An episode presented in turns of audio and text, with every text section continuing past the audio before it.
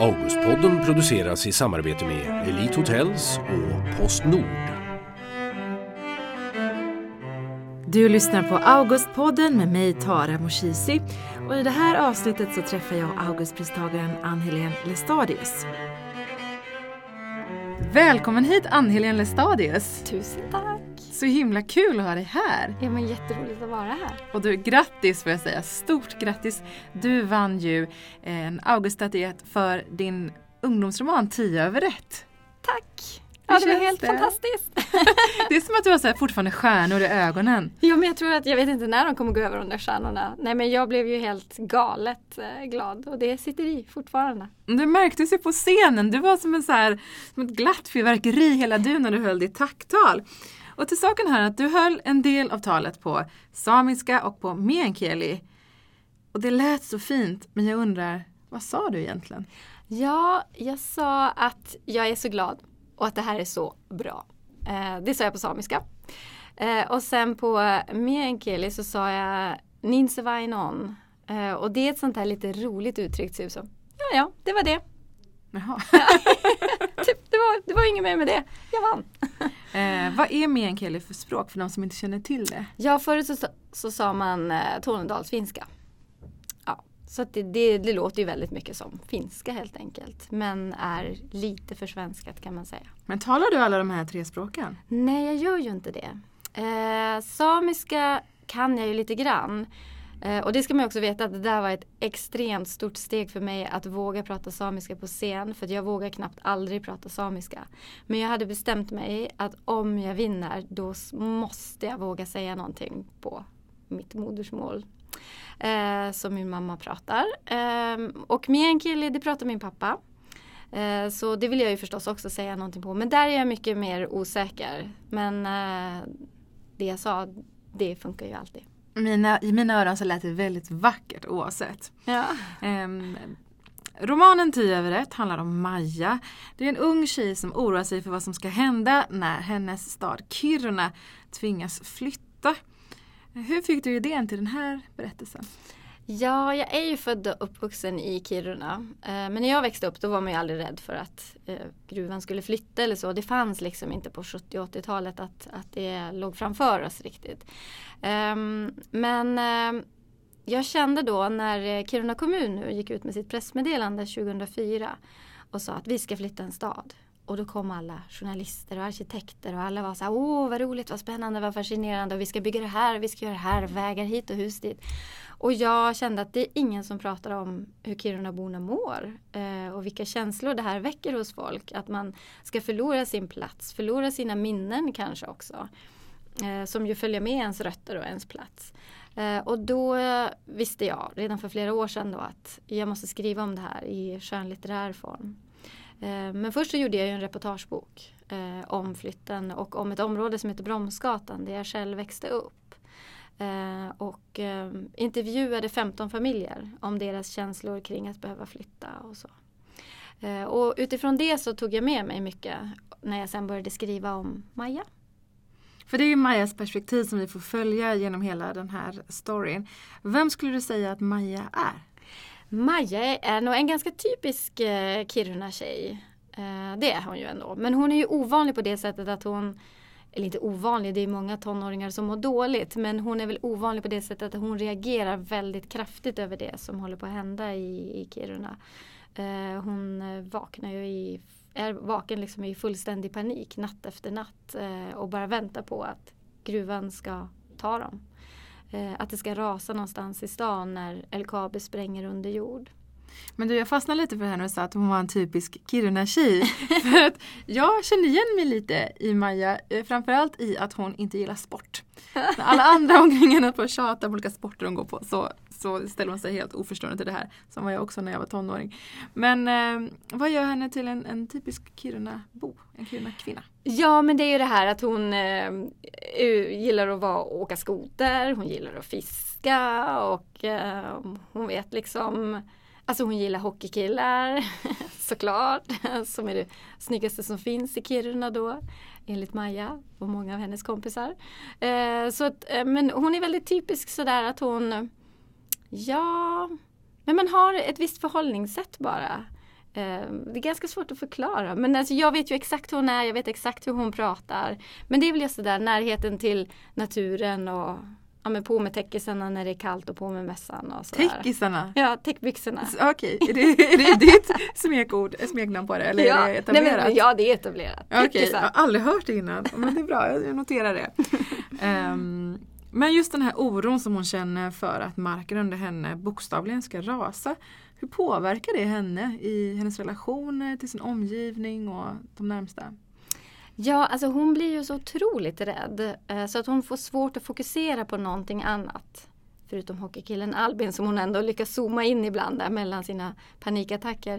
Eh, men eh, det jobbiga är ju att hennes föräldrar blir mest irriterade och tycker att hon, eh, att hon måste skärpa sig, lägga av. Och, att det, och sen när de inser att det är ganska illa ställt med henne så blir det också väldigt jobbigt för dem därför att det är psykisk ohälsa och det är fortfarande lite tabu sådär att behöva åka till psykolog och söka hjälp.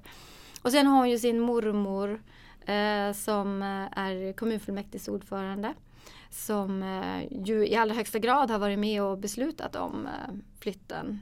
Eh, och där blir det ju också liksom gnisslingar mellan henne och eh, Maja. Så de vuxna föräldrarna är ju på ett sätt ganska välmenande. De vill ju väl men de klarar inte riktigt att nå hela vägen fram. Alltså de, deras rädsla yttrar sig mycket i ilska istället. Mm. Och det här är ju faktiskt tyvärr en verklighet, inte bara i Sverige utan runt om i världen just med unga som, som eh, förlorar sin trygghet och som eh, tvingas bära på så mycket oro och skräck. Eh, vad var det som gjorde att du ville utforska de här känslorna? Jag tror att det handlar om en massa olika saker som finns i våran historia. Alltså, dels så tänker jag också på alltså samerna och renskötarna som har tvingats från sina marker allt eftersom när det har kommit gruvbolag och det kommer skogsbolag. Eh, och sen eh, så vill jag utforska det här med att ja, men vad händer med en människa när man mister sina platser? Eh, hur mycket påverkar det en att liksom inte ha den fysiska platsen längre? Men jag tyckte det var så fint också eh, när Palmira höll presentationen på Augustgalan. Just att hon tog upp Hon är det här. Sveriges Radios ungdomskorrespondent och det var hon som presenterade din bok på Augustgalan. Ja, Mm. och hon, hon gjorde en sån fin koppling just till det här. Att, att man faktiskt kan se paralleller och att man kan känna igen det just det här med, med människor som måste fly från sina hem. Det är klart att det aldrig går att jämföra krig och en Kiruna-flytt såklart. Men känslan tror jag ändå till viss del går att, att jämföra eh, skräcken som ändå kan paralysera en. Men förutom den här eh, starka oron som hon är drabbad av och hon, det, här, det här sätter sig verkligen hårt i hennes psyke. Så den här boken är ju inte bara mörk, ska sägas. Vad skulle du säga att Majas ljuspunkter i tillvaron består av? Ja, men hon är ganska rolig. Och det är lite så hon försöker hantera också det jobbiga med att vara lite rolig sådär. Och tänka lite drastiskt och vara lite sådär, äh, försöka på något sätt avdramatisera sin, sin skräck. Eh, men eh, hennes stora ljuspunkt är ju bokklubben som hon går på, på biblioteket. Eh, så att, eh, och, så hennes vän Julia, självklart. De är ju tajta som bara den, vilket de har varit sedan de var väldigt små. Eh, så att hon har ju mycket som är bra också. Och som sagt, det är ju en kärlekshistoria också, en vänskapshistoria. Mm. Du sa ju här i början av det här avsnittet att du knappt vågar tala samiska, att du verkar ha lite så dåligt självförtroende i det. Och du är ju same, men du bor i, bor i Solna sedan lång tid tillbaka. Och jag läste att du en gång sa så här, det dröjde ända till sena tonåren innan jag vågade stå för vem jag är. Varför blev det så? Åh, det är en ganska lång historia som många av oss samer är eh, drabbade av, vi som är födda på 60 och 70-talet. Det är, jag brukar ibland kalla oss lite grann för den förlorade generationen, för många av oss förlorade, eller fick aldrig det samiska språket.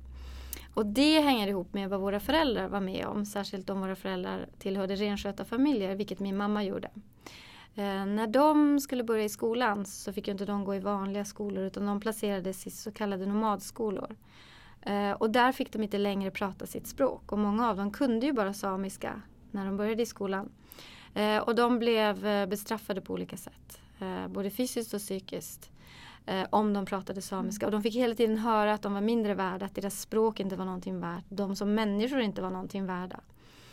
Och det här skapade otroligt mycket skamkänslor och Eh, det har ju tyvärr följt med i generationer. Så sen när de blev vuxna och fick barn så var det många som valde att inte föra vidare språket. Eh, och ehm, i vissa fall så var det ju också så att man var ju väldigt påverkad av hur det var på 70-talet. Då sa man att tvåspråkighet är inte bra. Lär barnen ett språk i taget. Och så lärde man dem svenska och sen kom aldrig samiskan. Men det ligger så otroligt mycket skam bakom och eh, Nej men det är många som inte vet om den här mörka historien, alltså hur staten bestämde att det skulle vara så här. Det finns ju något som kallas för lapp ska vara lapp-politiken. Att man, man satte de samiska barnen i speciella skolor för att hålla dem nere på en lägre nivå. Eh, det var ju oerhört ehm, jobbigt för de här barnen. Och det har ju som följt med då som sagt i generationer. Så att, eh, men det är det som är så häftigt för nu kommer de unga min generation, vi är liksom i klämgenerationen med våra barn. De kommer med full kraft. Och de tror jag är de första också som inte har med det här jobbiga bagaget. Som bara kan vara samer utan att tänka så mycket på det som har hänt förut. Mm. Så du tror att det kommer att bli enklare för din son än vad det har varit för dig? Det tror jag absolut. Och det känner jag ju nu också. Han får ju läsa samiska i skolan. Och, eh, och för honom finns det absolut inga tyngder överhuvudtaget med, mm. med det förflutna. Um, Maja är ju, hon, eh, hon bor i Kiruna. Du har ju också skrivit om Agnes, en tjej som står med ena foten i Solna och den andra i Soppero. Så du har ju verkligen utforskat det här med att vara tonåring och eh, ha samiskt påbrå eller sådär. Um, vad var det i dina tonår som gjorde att du till slut vände och vågade stå för vem du är? Ja, Ja men det var ju så att jag, jag fick inte lära mig språket. Jag längtade efter det. Eh, särskilt för att jag ville kunna prata med mina kusiner och mormor och morfar som pratade samiska. Eh, och så kom jag till skolan och så insåg jag att nej, jag ska inte säga att jag är same för att då kommer man bli mobbad eller retad. Så jag vågade helt enkelt inte. Så att, men jag hade ju allt det samiska hemma. Jag var ju mitt i liksom språket och renarna och koltarna och jojken och allting. Men i skolan var jag tvungen att vara någonting helt annat. Eh, men sen så vände det ja, i gymnasiet någon gång kan man väl säga att det började förändras. Att jag började mer och mer känna vad jag har gjort. Liksom. Jag, jag måste ju våga stå upp för vem jag är. Eh, men sen flyttade jag från Kiruna ett år för att jobba som journalist eh, i Skinnskatteberg utanför Västerås. Och det var räddningen. Det var där och då som jag insåg att men gud, folk tycker ju att det är jättespännande. Hur märkte samer. du det? Ja men det var så här, men är du same? Men vad roligt, berätta mer. Och det var ju liksom sån stor skillnad från Kiruna där liksom folk sköt på skylten Giron som betyder Kiruna. Liksom. Mm. Eh, och komma från det och komma till Skinnskatteberg där folk var intresserade och tyckte att det var spännande. Mm. Så då flyttade jag tillbaka till Kiruna och fortsatte jobba som journalist och då gjorde jag det till mitt liksom, ämne. Eh, att jag skrev jättemycket om Sametinget och samiska frågor och fick en kolt och Ja, och började försöka lära mig samiska på kvällskurser. Hur gick det då? Jo, det gick ju bra där och då tycker jag. För att när man är i Kiruna och jag hör mamma och mina släktingar då är man ju liksom mitt i språket. Och då är det ju mer levande och sådär. Men fortfarande vågar inte prata. Mm. Eh, så att, och sen kom man ner hit 99 och då är det svårt igen. Så fort man inte hör språket så mycket så förlorar man ju ganska mycket. Mm. Men gör det någonting för att så här, upprätthålla det vokabuläret som du har, som mm. du har mm. lärt dig? Jo men det gör jag nu med, min, med, med Willis, min son. Eftersom han då har samiska. Så jag försöker hjälpa honom och vi pratar lite grann och så här. Och nu har vi precis klistrat upp post-it-lappar överallt i lägenheten vad olika saker heter. Jaha, ja. okej. Okay. Ja. så att när man ska ta en, en sked ifrån vår besticklåda då står det baste där. Så att baste? Man vet. Mm, mm. baste. så där skulle jag också behöva göra fast med min persiska, den är undermålig. Um, men det är också så här, det är ingen som tackar en för att man försöker sudda bort sin bakgrund. Nej. Det, det, man känner sig bara fattigare som person och visst det kanske är så lättare att att passa in i ett eh, sammanhang där alla andra pratar svenska och har mm. liksom en gemensam bakgrund. Men man känner sig bara, eller jag känner mig väldigt fattig den dagen som jag kom på att så nej men jag har bara slutat gå på hemspråk och slutat prata ja. om Iran för att jag ska bli omtyckt. Ja men eller hur, men det är så det är. Eh, det var så det var för mig och det är så det var eh, Agnes som jag skriver om också i, i de böckerna. Eh, att det är just det där att man vill så gärna passa in och då ibland så förtränger man sin väldigt viktiga del av sig själv. Vilket jag ju såklart ångrar jättemycket. Och du nämnde ju att du gjorde samiska frågor till dina när du jobbade som journalist. Hur skulle du säga att allt det här har, för, har påverkat ditt författarskap? Eh, min samiska bakgrund? Ja. Ja men otroligt mycket. Det är ju därför jag skriver. Eh, jag känner att eh, för samiska ungdomar är det jätteviktigt att det finns böcker som handlar om dem. För det är så viktigt att hitta igenkänning i litteraturen. Eh, för eh, som det är idag så finns det ju inte så många som skriver om samer. Eller det finns inte så många böcker av samer heller. Men vi kommer nu. Eh, och det är väldigt bra och det är väldigt viktigt. Eh, så att, eh, nej men det är ja, det skulle inte ha blivit någon av de här böckerna om jag inte hade haft den bakgrunden jag har. Så att i slutändan så blev det ju någonting bra av att jag har fått kämpa lite. Men för Maja i eh, Tio över 1, eh, för henne är ju bokklubben Eh, en jätteviktig eh, ingrediens i livet och där hon verkligen kan så slappna av och tänka på någonting annat än det som oroar henne. Vad hade böckerna för eh, betydelse i ditt liv när du växte upp? Och jättestor betydelse därför att jag, jag började skriva berättelser själv när jag var väldigt liten. Och min mamma hon lärde mig inte samiska men däremot så var hon otroligt duktig på att berätta historier. Det finns ju en jättestark samisk berättartradition. Eh, så att hon berättade alltid väldigt mycket om sig själv och om liksom släkten och sådär. Och jag var helt fascinerad och jag kände bara, jag vill också, jag vill, jag vill, jag vill skriva böcker. Jag visste tidigt att jag inte tänkte, jo jag berättade också men jag ville skriva ner dem. Så jag började, så fort jag kunde läsa så bara, läste jag så mycket jag bara kunde och så började jag skriva själv också mina egna berättelser. Och jag var ju alltid på biblioteket och skolbiblioteket och, och det var också så... Var du lite av en nördig unge? min, min man brukar säga till mig, jag tror faktiskt inte du har varit barn. och framförallt inte tonåring.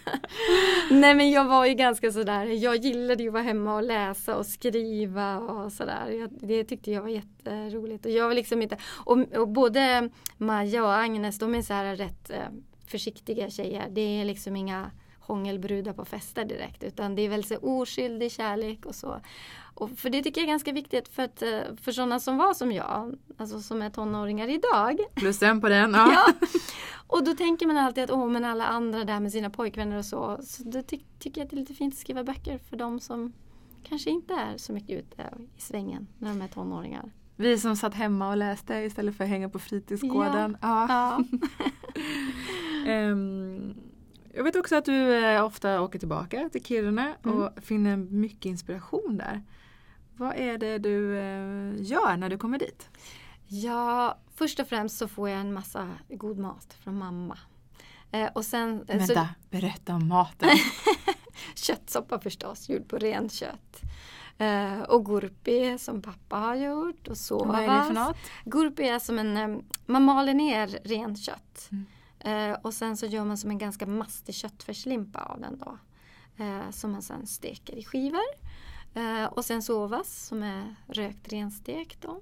Så det, det är ju bara, och så älgkött förstås. Så det är maten som är det centrala när jag kommer hem. Så jag äter, lägger mig på soffan och läser och så kliver jag upp och äter igen och mamma bakar bullar. Du blir här- gödd helt enkelt. Ja, ja helt Med en buffé som kanske inte är något för vegetarianer Nej, direkt. inte. Mm. Nej.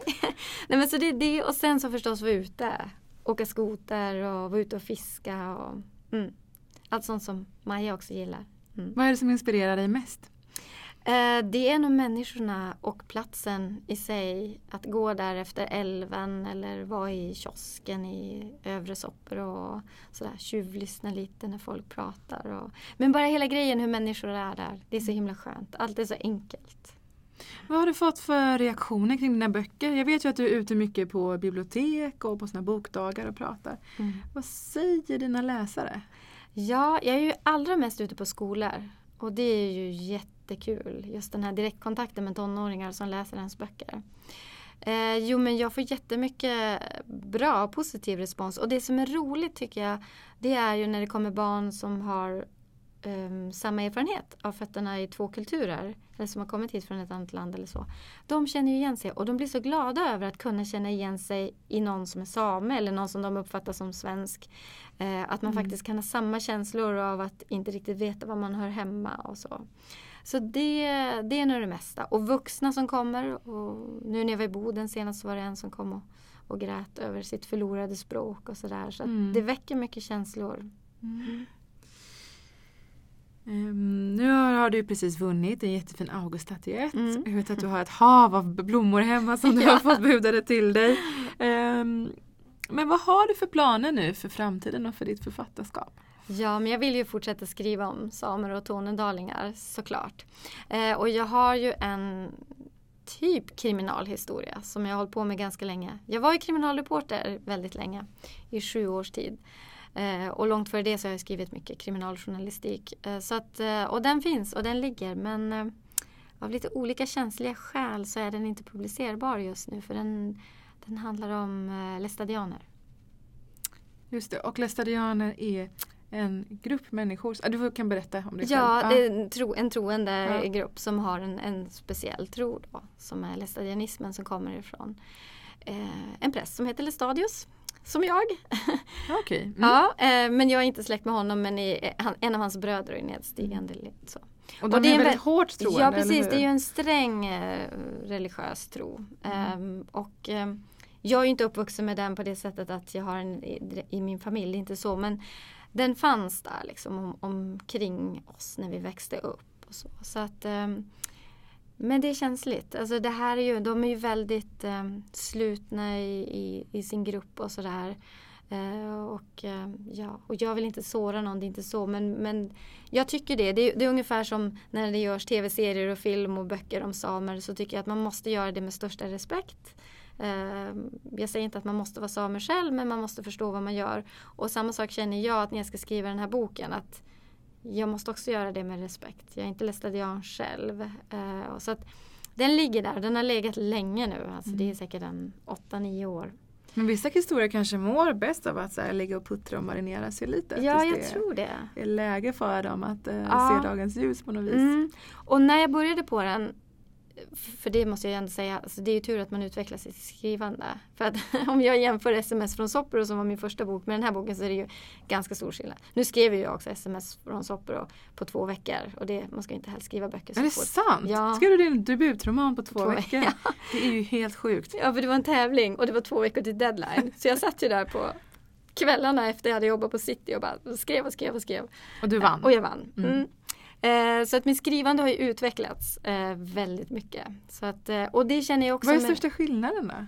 Jo men jag språkligt och stilistiskt mycket bättre.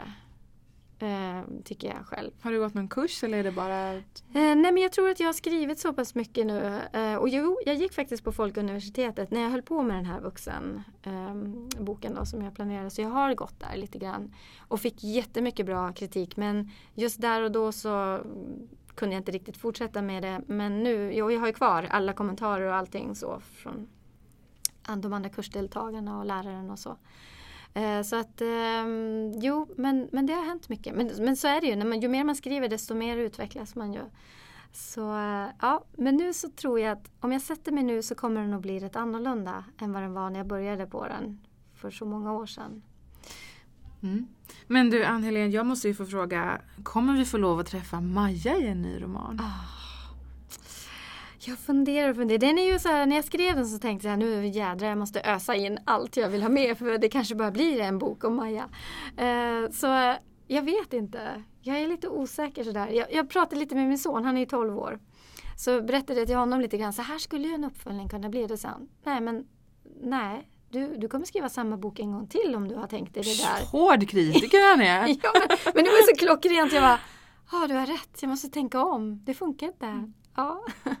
Så vi får se. Jag har ju lite svårt att släppa Maja. Det har jag ju. Men vi får se. Hon har ju också gett dig 100 000 precis. Ja, kära sak. Maja. Ann-Helén Lestadius, tack så hemskt mycket för att du kom till Augustpodden. Tack för att jag fick komma. Du har lyssnat på Augustpodden med mig, Tara Moshisi. Augustpodden produceras i samarbete med Elite Hotels och Postnord.